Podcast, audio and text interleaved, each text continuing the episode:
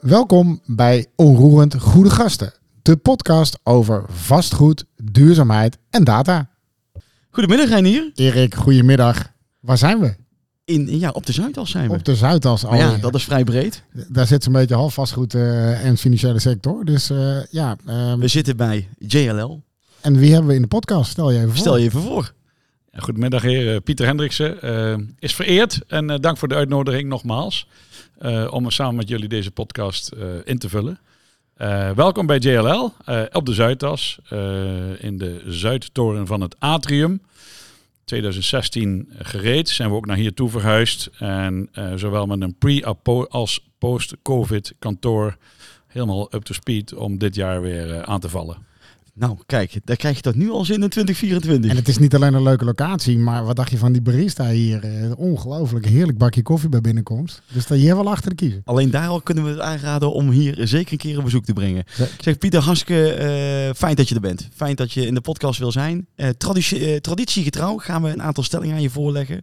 Het verzoek om daar in eerste instantie kort op te antwoorden. En dan gaan we daarna de verdiepingsslag eh, eh, Prima. En, kort in van ja of nee, of kiezen, zeg maar. Maken. Ja, Oké. je mag beginnen Renier. Mag ik beginnen dit keer? De eerste stelling van 24 is voor jou, eh, Pieter. JLL, logistiek of alle asset classes? Nee, JLL alle asset classes. Dat is duidelijk. Stelling 2. De vastgoedmarkt herstelt zich in 2024. Ja, dat gaat zeker gebeuren. Kijk, het wordt een positieve podcast. En stelling 3. Een brown discount of green premium. Hoe zit het nu echt in 24? Wat gaan we krijgen? Eh, het verschil wordt alleen maar groter. Kijk, duidelijkheid, eh, duidelijkere verschillen. En dan de laatste stelling, altijd een persoonlijk tintje. Boek schrijven of film produceren? Ai, daar krijg ik een beetje kippenvel van. Want ik zou het eigenlijk toch allebei willen blijven doen. Maar 2024 en 25 is eh, alle focus op een nieuw docudrama. En maar- dus een film. Misschien wel leuk om daar heel even bij eh, stil te staan. Want wat heb je met film? Nou, ik ben betrokken geweest bij twee films. Eén is eh, de film Weg van jou. Die gaat over eh, waar ik vandaan kom, Zeeuws-Vlaanderen. Eh, is op tv geweest, is nog steeds gestreamd op Netflix en op Videoland. Was 2016, 17. Eh, maar nog belangrijker heb ik bijgedragen aan de totstandkoming van De Slag om de Schelde. De film die terugkijkt op de bevrijding van Zeeland, maar vooral hoe dat daar is gegaan in de oorlog tussen geallieerden en eh, Duitsers. Eh, Zo'n beetje als het einde van de oorlog, maar ook het startpunt van de bevrijding. Was gewoon een moeilijke hoek, is geografisch moeilijk eh, te bevrijden geweest. eh, nadat Antwerpen wel al bevrijd was. Dus die eh, slag om de Schelde eh, is cruciaal geweest voor de bevrijding. Ik heb daaraan bijgedragen. We hebben dat met, eh, ik denk, een hele goede, beste eh, filmproducent gedaan. En ik ben nu eh, betrokken bij de 80-jarige bevrijding eh, van Zeeland, eh, West-Brabant en ook Nederland. En gaan we een, een geschiedkundig eh, docudrama maken. eh, waarbij we laten zien hoe belangrijk het is geweest om eh, aandacht te geven aan die, aan die regio om te bevrijden. Om daar een cruciale rol in te spelen voor de rest van de bevrijding van Nederland en Europa. Dus het is toch eerst nu de film, nadat ik het eh, boek eh, Weg uit de Ik-bubbel vorig jaar had geschreven. Dus eh, het- stap voor stap. Is het boek boek- nog te verkrijgen? Het boek is nog te verkrijgen, zowel eh, op de eh boektitel website eh, als ook bij bol.com. En wat is het voor boek? Misschien Het toch boek nog gaat even- over verantwoordelijkheid. Ehm, ik ben gefascineerd ehm, door het thema verantwoordelijkheid. Eh, de eerste gesprekken die ik had met diversen, eh, die kwamen al op van ja, er zit het woord antwoord in. Maar op welke vraag dan? Eh, en als je daarover gaat nadenken, filosoferen, gaat praten, eh, gaat uitdiepen, ja, dan kom je toch op een hele bijzondere reis naar eh, hoe mensen naar verantwoordelijkheid kijken, hoe ze het nemen, hoe ze het geven, hoe ze het ervaren, wanneer dat voor het eerst is gebeurd. En daar zijn hele mooie dingen uitgekomen. Ik kan die mensen die met mij dat gesprek daarover hebben gehad alleen maar heel erg bedanken.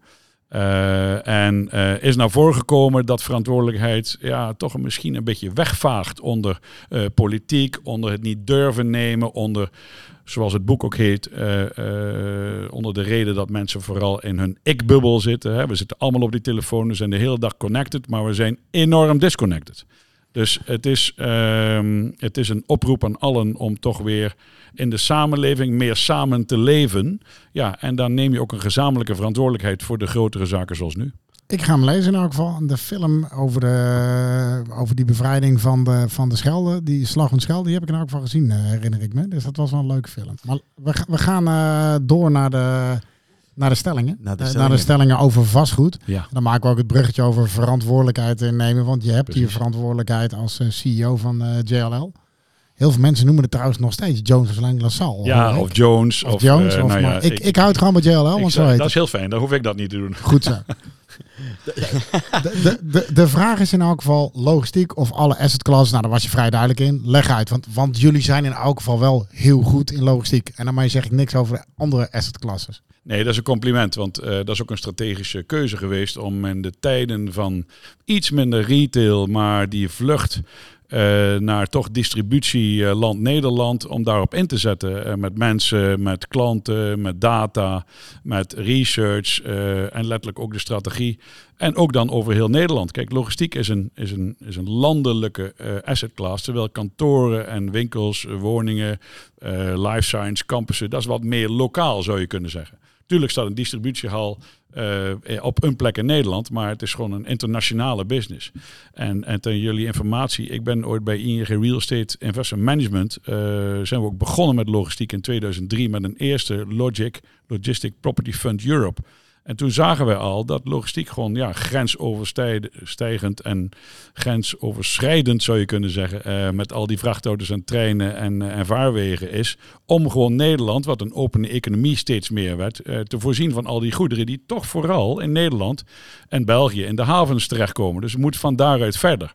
Nou, eh, we hebben dat eh, in de 2000 eh, jaren gezien. En ik ben er hiermee doorgegaan. Want als hier talent is en mensen die kar willen trekken en die verantwoordelijkheid laat ik daarvoor willen nemen. En op die manier invulling willen geven aan toch de global connectie, Europese connectie die je als een vastgoedbedrijf hebt. Met al die klanten en al die ontwikkelaars en die gemeenten en die suppliers, maar ook die beleggers. Ja, dan weet je gewoon dat je op de goede wave zit. En zo heb ik het ook hier bestempeld. We zitten op de goede wave. Uh, laten we on top of the wave blijven. Laten we erop blijven investeren. We hebben zelfs een AI-project uh, geïmplementeerd binnen het team van Logistiek Nederland. Dus we kregen er ook tractie uit vanuit AI. Dat is best wel interessant. Uh, dat duurt even een tijd, maar ja, iedereen staat erachter. Dus logistiek ja, maar wij zijn natuurlijk van oudsher een uh, serieuze kantorenadviseur. Zowel op uh, beleggingen, ontwikkelingen, maar zeker ook op huisvesting voor bedrijven. Klein en groot, uh, landelijk, stedelijk, waar dan ook. Dus uh, ja, dat is een gelijkwaardige asset class uh, vanzelfsprekend. En retail is dat al heel lang. Uh, JLL bestaat dit jaar 55 jaar op 5 september. Gefeliciteerd alvast. ja, dankjewel. Ja. We moeten het nog even halen, maar dat ja, denk ik dat dat zal, het zal wel goed komen, denk ik. Ja. Maar goed, dat is wel daarmee gezegd dat we al vroeg begonnen zijn op het continent met JLL. Jij zei Jones Lang LaSalle. Het was natuurlijk uh, Jones Lang Wooten. Zeker. Uh, toen kwam LaSalle erbij, Jones Lang LaSalle. Het wordt korter tot JLL. Maar we zijn hier dus al heel lang.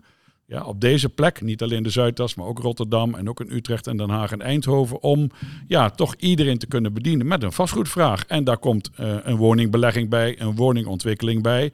En wat ik al zei, retail stond al heel vroeg in dat rijtje. Dus ja, als je ziet dat ook nu de wens van beleggers en ook gebruikers meer naar alternatieven is. En dat wil ik wel even aanhalen. Dat alternatieven, alter, alternatives in feite, binnen de asset class vastgoed, ja, ook uh, uh, bediend worden. Maar kom je dan gelijk in, heel even, kom je daar gelijk in value add terecht? Als je die Nou, value add is, een, is natuurlijk een, een, risk-return verandering. Maar van wordt de wel vaak door de instituten aan elkaar gekoppeld ja, zeker, met alternatives. Zeker, maar dat is dan het alternative op je risico. Maar de alternative zit natuurlijk ook in de asset class. Je kan over datacenters praten, je kan over tolwegen praten, je kan over infrastructuur in het algemeen praten. Mixed nou, use, wat vind je daarvan? Wat zei je? Mixed use? Ja, mixed use, dat bestaat altijd en overal. Alleen uh, er is een perceptie dat de belegger eigenlijk geen mixed use wil. Dus een woningbelegger wil de woningen boven de retail plint. Uh, nou, en anderszins. Uh, life science bestaat uit heel veel lab, maar weinig kantoor. Ja, dus hoe gaan we om met de een of de ander in de portefeuille? Want de portefeuilles zijn best wel, denk ik, heel erg asset class gemaakt en weinig ruimte voor ja, dat alternatieve onderdeel van dat gebouw. Uh, ik denk wel dat je dat wat ruimer moet zien, want het risico en het return zit ook in de gezamenlijkheid van het gebouw en niet alleen in dat onderdeel. Dus goed. Ik denk wel dat je daar uh, wat, wat ruimer moet denken, wat ik al zei. Maar uh, we zijn dus in feite als Joan Lang, LaSalle, JLL, met Amerika en Engeland en alle andere connecties die we hebben, ja, zo breed mogelijk, uh, ook in technology in feite, om ja, toch advies te uh, geven aan alle klanten die daarom vragen. En hoe, hoe doe je dat dan? Ja, hoe, hoe, belangrijk is, die, hoe belangrijk is die, dat, dat internationale netwerk? Ja. En geven voor die, nou ja, zeg maar ook even die lokale belegger of hè, die hier, uh, die hier in Nederland iets wil. Ja. Nou, dat is, dat is heel belangrijk, want je, krijgt, je krijgt er sowieso heel veel data en informatie van. Uh, dat is niet te onderschatten wat voor best practices er allemaal zijn in alle andere steden en landen. Uh, nou, en ook provincies en boendesländer. Wat je allemaal, allemaal mee kan maken als je ziet wat er allemaal gebeurt uh, in klantenadvies. En ja, met alle respect, ik doe dit nu 30 jaar, maar het gaat toch elke keer weer om een stukje op de planeet. En, en welk gebouw het ook is, het gaat om hoe je die ruimte uh, gebruikt, faciliteert, in eigendom hebt, uh, financieel of maatschappelijk laat renderen. En daar je business kan runnen, uh, als je het niet in eigendom hebt en gewoon huurder bent. En ja, dat is gewoon een interessant spel van het gebruik van ruimte. En dat gebeurt over de hele planeet. Dus die internationale connectie is, ja, je spreekt wel dezelfde taal elke keer weer, op welke asset class dan ook. En steeds meer door de globalization, die misschien nu iets meer onder druk staat. Maar je ziet wel dat de globalization heeft geleid tot dat de klant eigenlijk op welke plek op die planeet dan ook eenzelfde service wilt.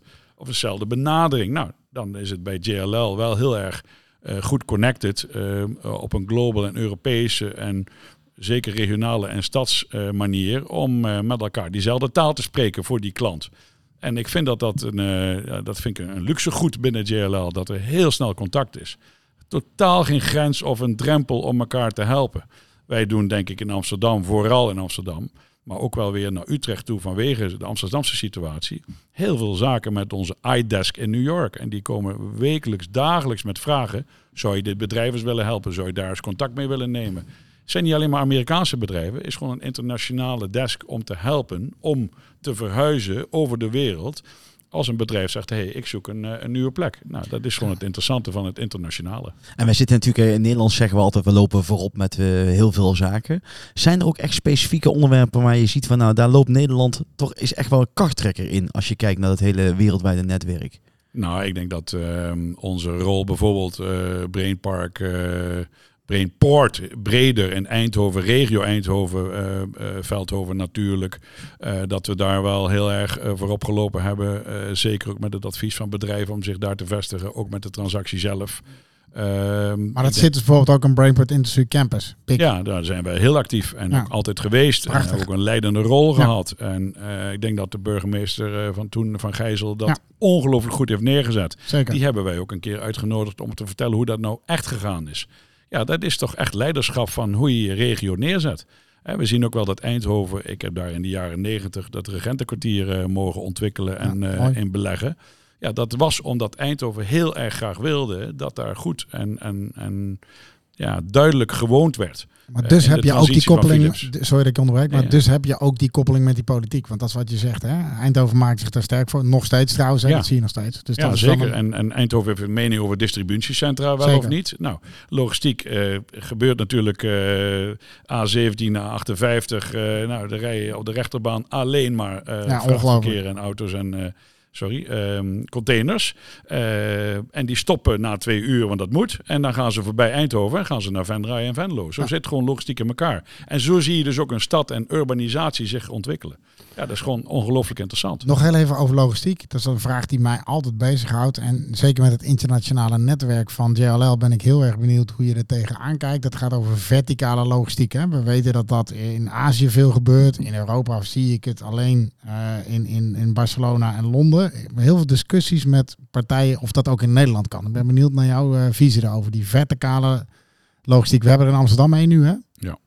De, Maar ik, sorry, ik denk wel dat het een opgave is om dat goed te doorgronden en kostprijs uiteindelijk wel te laten renderen, want daar gaat het om. Uh, ik denk wel dat Nederland er straks om zal vragen, want als de ruimte op deze manier uh, gechallenged wordt, eh, zou je kunnen zeggen. Niet gecanceld, maar gechallenged. Ja, Ja, dat kan ik zeker. heel goed Mooi. begrijpen. Ja. Maar Ja. Soms krijg je het idee of de ruimte wel niet gecanceld wordt in plaats van eh, welk onderwerp dan of persoon dan ook. Exact. Eh, maar als je ziet dat die ruimte echt nodig zal zijn en Nederland doorgaat met groeien, eh, economische groei. En misschien wel in plaats van Schiphol op een andere manier hier de goederen gaat verwerken. eh, dan kan je de vraag stellen of daar niet nog meer naar gekeken moet worden. Maar dan wel op een hele duurzame manier. En daar zijn allerlei methoden en, en, is er kennis voor. Maar je zult wel aan de bak moeten om de ruimte beter te gebruiken, zeker weten.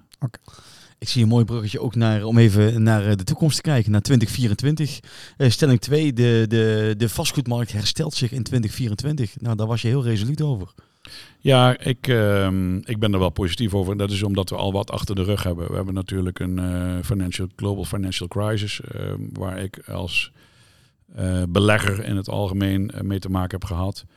Eh, je merkt nu weer de impact van oorlog. En ik had al iets gezegd over vrijheid, hoe belangrijk dat is. Nou, vrijheid is natuurlijk een en al bepalend voor hoe de mens in elkaar zit, hoe de mens leeft en hoe de mens zich gedraagt.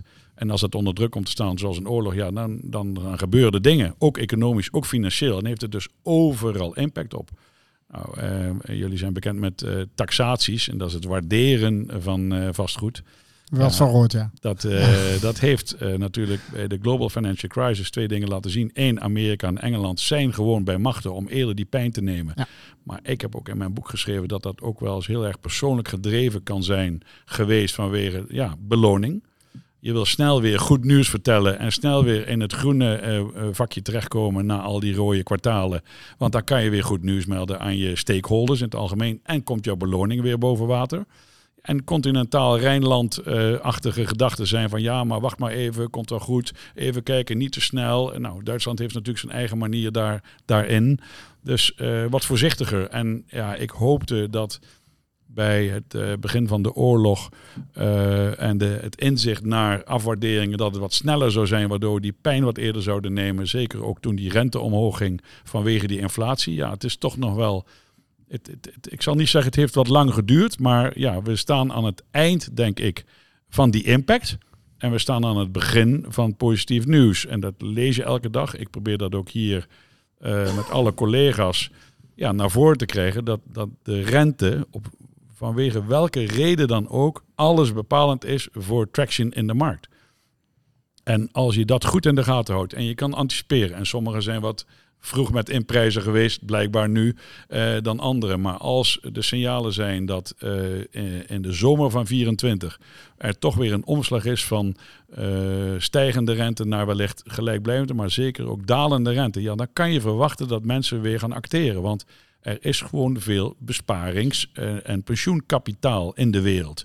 En als je weet dat dat de eerste stap zal zijn naar vastgoed, dan heb ik daarmee een gegronde reden om te denken dat na de zomer, ik noem het dan in juli, dat is ook geen voorspelling, maar dat vind ik een, een, marcatielijn, om te zeggen als dat dan daar, eh, als daar de rente impact weer duidelijk wordt, dan kan je erop schakelen, kun je verwachten dat het tweede, eh, sorry, het derde en het vierde kwartaal, het tweede halfjaar in het algemeen, beter zal zijn dan de voorgaande jaren toen die rente omhoog ging. Maar zie je er nog verschillen in die verschillende assetklasses?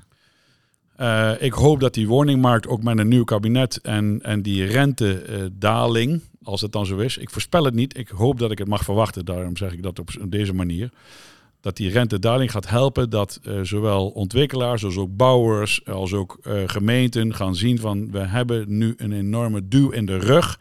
Ja, met de oorzaak die destijds de tegenwind aangaf, de rente. Dat we nu die duw in de rug hebben van een andere renteontwikkeling om weer te gaan bouwen en echt te gaan ontwikkelen. En- Maar rente alleen, eh, zeg maar, of ook de regulering, hè? Want we zitten nu eh, midden in de formatie, dus ik denk dat dat nog wel een... Ja, wat eh, is- wat is de hoe- imp- Hoe kijk je daar tegen? Ja, maar ik wil nog even reageren Ja. op wat, waarom 24 eh, Ja. hè, succesvol is volgens jullie stelling. Omdat ik denk dat mensen positief met het kapitaal straks gaan kijken van de rit gaat omhoog. Zowel waarderingen als ja, transacties, als ook beleggingsvooruitzichten. als ook, nou vergeet niet, de gebruiker met zijn winst- en verliesrekening en zijn kostenplaatje om toch weer met talent ja, economie te laten groeien. Mensen wil huisvesten en, wil, en weer door wil. Want dan is een COVID geweest, dan is een oorlog geweest, dan is inflatie-impact geweest. Dan hebben we heel wat gehad om wat positiever te denken, ook voor de vastgoedmarkt, die een resultante is van economische gedraging. Maar dan moet je eigenlijk nu instappen.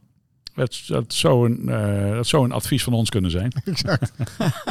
En, en even, je zei het al even, de, de formatie is nu bezig. Wat, is de, wat, wat verwacht je van de politiek hierin?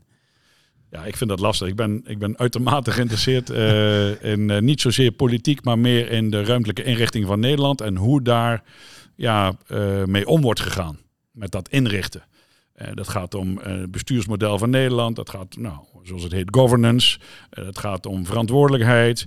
Dat gaat ook om uiteindelijk dit land met zoveel inwoners en het verwachte aantal groei van de inwoners en het daarop schakelen van die nieuwe inrichting van die ruimte. Want ik zeg heel simpel, het gaat om een plekje op de aarde, wat ik al zei, maar het gaat ook om elke persoon in 24 uur en elke persoon die slaapt 6, 7, 8 uur in een huis, die speelt daar één of twee, eh, twee uur omheen. Die gaat één of twee uur in een, in een auto of verkeer zitten of mobiliteit. En die werkt 7, 8, 9 uur. Dat is de dagindeling van een, van een Nederlander. Nou, als dat nu met 18 miljoen Nederlanders keer zoveel eh, tijd en ruimtebesteding is. En er komen elke week of maand of jaar komen er weer zoveel bij dan zal die ruimtebehoefte door al die nieuwe mensen ook zo worden ingevuld. Dat kan je letterlijk uittekenen. Uh, er wordt geen nieuwe polder uh, neergelegd. Er komt geen Schiphol in zee. Uh, we gaan geen landje pik bij Vlaanderen en een Duitse deelstaat doen. Dus we zullen het met dit land moeten doen. En als er meer mensen hier komen, wij kennen allemaal het liedje van de Postbank van 15 miljoen mensen. We zitten nu op 18 miljoen. En er is nu een onderzoek vorige week naar buiten gekomen dat er misschien wel 25 miljoen komen. Dan vind ik dat je als politiek een urgente verantwoordelijkheid hebt over de inrichting en de nieuwe inrichting van Nederland. Ja, ja dat is uh, mooi, maar heel mooi uh, gezegd. Um, en ook hoog over. Ja, even, dat is waar. even terug bijvoorbeeld naar logistiek en kantoor. Hè? Want daar zien we eigenlijk twee dingen. Aan de ene kant zien we dat uh, nu die, die yields omhoog gaan. Maar we zien daarentegen ook voor het eerst dat het gecombineerd wordt zeg maar met hogere markturen. En dan bedoel ik voor kantoor echt die CBD's en voor logistiek ook de hotspot. Hoe zie jij dat? Want dat hebben we nooit eerder gehad. Nee, maar dat is om de, kijk, de markthuur is natuurlijk vraag en aanbod. Zeker. En waar wil ik graag zitten? Ja. En ik heb dat ervoor over. Ja, het is toch wel heel basic, maar dat is echt zo. En zo kijken mensen ook naar een gebouw. Uh, we hadden het uh, misschien al eerder over uh, ja, hoe groen moet een gebouw zijn, op ja. welk gebied dan ook. Dat kan ook een woning zijn, kan ook een winkelcentrum zijn, kan ook een winkel solitair zijn en een logistieke uh, distributiehal of een kantoor. Ja, dat gaat wel meetellen, want de gebruiker en ook de eigenaar heeft daar een nieuwe verantwoordelijkheid die steeds meer naar voren komt en die nu een totaal onderdeel is van het hele pakket van verantwoordelijkheid van huisvesting en van uh, belegging.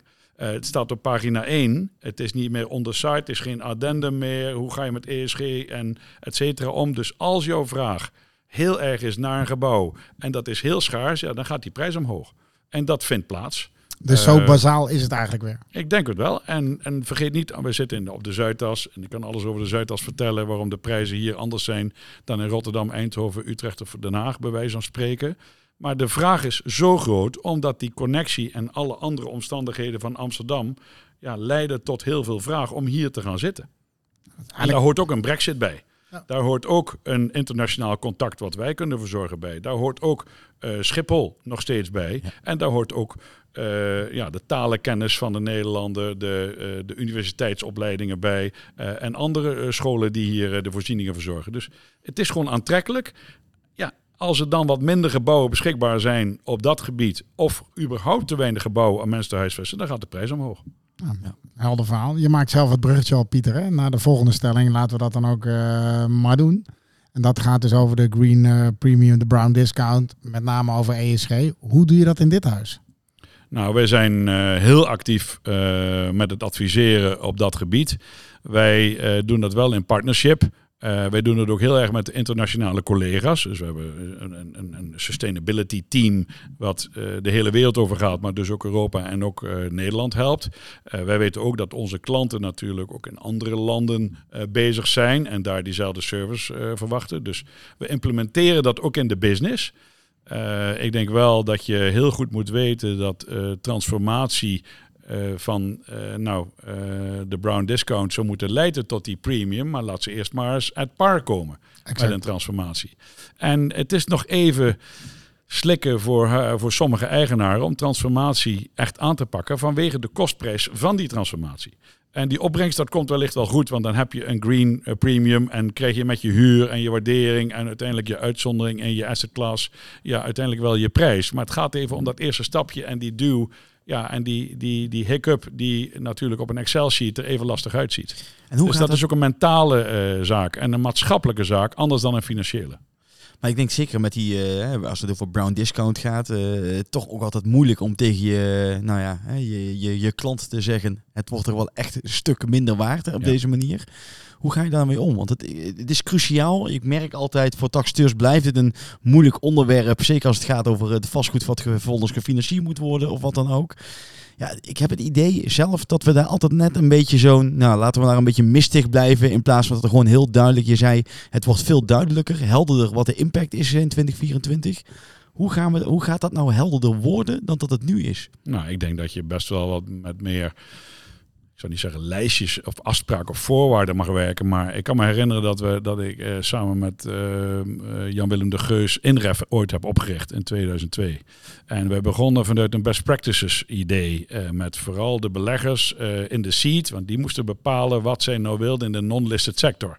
En eh, door alleen al met elkaar vaak samen te komen, door ook de fundmanagers erbij te halen en af en toe een adviseur, eh, eh, kom je tot ja, afspraken, best practices, vaste lijnen.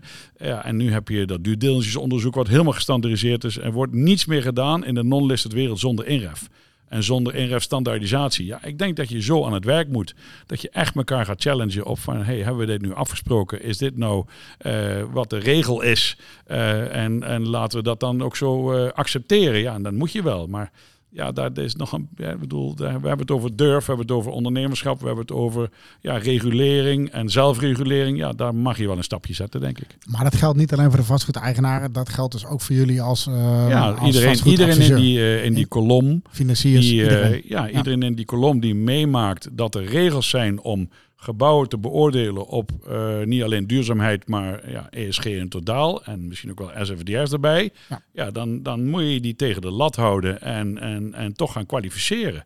Het is eigenlijk de benchmark voor alles. Ja, accepteer die benchmark, ga ermee aan het werk en ja, kijk elkaar recht in de ogen van doe je mee of doe je niet mee. Eh, welke stakeholder in de hele keten dan ook. En anders stranded asset.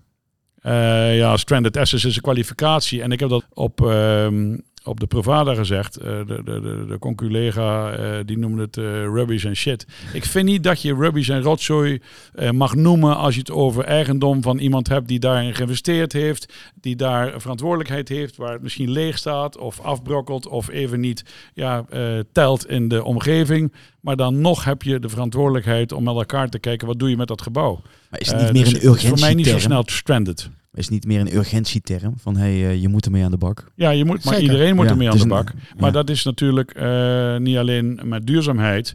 Dat is natuurlijk op alle gebieden gegaan. Eh, vroeger had je de milieuregels of hinderwet of wat dan ook. Ja, dat, dat gaat gewoon eh, eh, vanwege de positie van een gebouw in een omgeving. Het heet nu ook omgevingswet sinds een paar weken. Ja, het gaat om de omgeving en dat is meer dan alleen maar het gebouw. En is er voldoende informatie al over beschikbaar? Ik bedoel, het gaat ook vaak over data. We, we praten ook veel over data in onze podcast. Ja. Eh, in hoeverre heb je als JLL dan ook daar ja, in het hele land voldoende data beschikbaar? Of zeg je van, joh, we moeten daar toch meer over gaan delen? Hoe, hoe kijk je Nou, naar meer dat, gaan eh? Delen, ook meer ontvangen. eh, meer, ja, meer eh, met elkaar delen, dat eh, Ja. bedoel je. Ja. Ik denk het wel. En dat is een beetje net het voorbeeld wat ik aangaf. Ja, zoveel mogelijk met elkaar in gesprek zijn. Niet alleen over de uitslagen van de yields en de huren. Het gaat ook om die verantwoordelijkheid daarin. Want dan kan je ook namelijk de eigenaar of een, nou, een, een, een koper of een belegger of een gebruiker aangeven van nou, als je dit en, en dit doet, dan kan dat en dat eruit komen. Dan heb je toch wat meer gevoel. En ja, vastgoed gaat soms ook om gevoel en ook om verwachting. Niet alleen uitgerekend in een Excel-sheet, maar ook in, in marktverwachtingen, omdat het cyclus is vanwege de macro-economische omstandigheden, kun je verwachten wat dat gebouw gaat doen. En ik zou daar, eh, ik zou daar gewoon meer aandacht voor vragen. Ja. Du- Dus samenwerken, hoor ik Ik denk het wel. zeggen, iedereen de heeft hetzelfde belang. Iedereen heeft hetzelfde belang om de gebouwen die een stukje planeet gebruiken, waar mensen eh, afhankelijk eh, van zijn, maar ook graag komen, om die goed te positioneren ja, op dat plekje. En niemand heeft zin in een lelijk of rot of eh, gevaarlijk of ingeslagen ruitengebouw. Niemand. Dan, Dus, sluit, dan ja. kunnen we bijna afsluiten, Pieter, met waar je mee begon. Verantwoordelijkheid. Ja, dat is ook zo. Ik dacht precies hetzelfde. zo. Ik denk, dat is toch een bruggetje weer. Dus- eh, eh, kom uiteindelijk toch naar je boek eh, te- weer terecht. Nou ja, mijn boek gaat over verantwoordelijkheid. Nogmaals, het gaat niet nu daarover, maar Nee, je, hebt die, je hebt ook die gezamenlijke verantwoordelijkheid. En je mag daar best elkaar op aanspreken. En natuurlijk zijn de private markt en de publieke markt eh, zijn anders op vastgoedgebied en eigenaarsgebied. Maar je hebt natuurlijk ook de private wereld en de publieke nou, overheidswereld. Ik ga binnenkort een column schrijven daarover van wat de rol nou van de overheid eigenlijk is. We zijn benieuwd. En een tipje van de sluier is dat ehm, We hebben een scoop. eh, dat natuurlijk de overheid een speciale positie heeft. Want ze zijn niet alleen eh, reguleerder, eh, vergunningsverlener, bestemmingsplan, eh, eh, toestemminggever. Maar ze zijn ook een partij op die private markt. Hè. Als de private markt die positie zou hebben, zou het wellicht op een heel andere manier ingevuld worden. Dus het is best wel lastig als je niet met elkaar een gezamenlijke verantwoordelijkheid eh, ziet en ook eh, invult. Helder. We gaan naar de laatste vraag, eh, Erik. Ja, we gaan traditioneel. Nou, ik eh, denk prachtig gesprek hebben. Dank je wel daarvoor. Eh, traditioneel sluiten we ook altijd af door ja, de vraag te stellen: wie zou je willen uitnodigen voor de podcast en wat zou je hem of haar willen vragen? Ja, ik wil graag eh Sophie van Oostrom van Schroeders Capital vragen. Zij is Global Head of Real Estate. En zij zou een antwoord moeten geven op de vraag wanneer en hoe Nederland weer een aantrekkelijk beleggingslat voor vastgoedbeleggers wordt. Kijk, Dat dat is een hele mooie, hele mooie gast. Sowieso een prachtige vraag. Dus dankjewel Pieter voor eh, deze podcast. Graag gedaan. En ik Gaan zou we. Zeggen, eh, plezier. via de gebruikelijke kanalen weten jullie dit allemaal weer te vinden. Dus Renier, dankjewel. dat was wel leuk. Zeker Erik. Tot de volgende.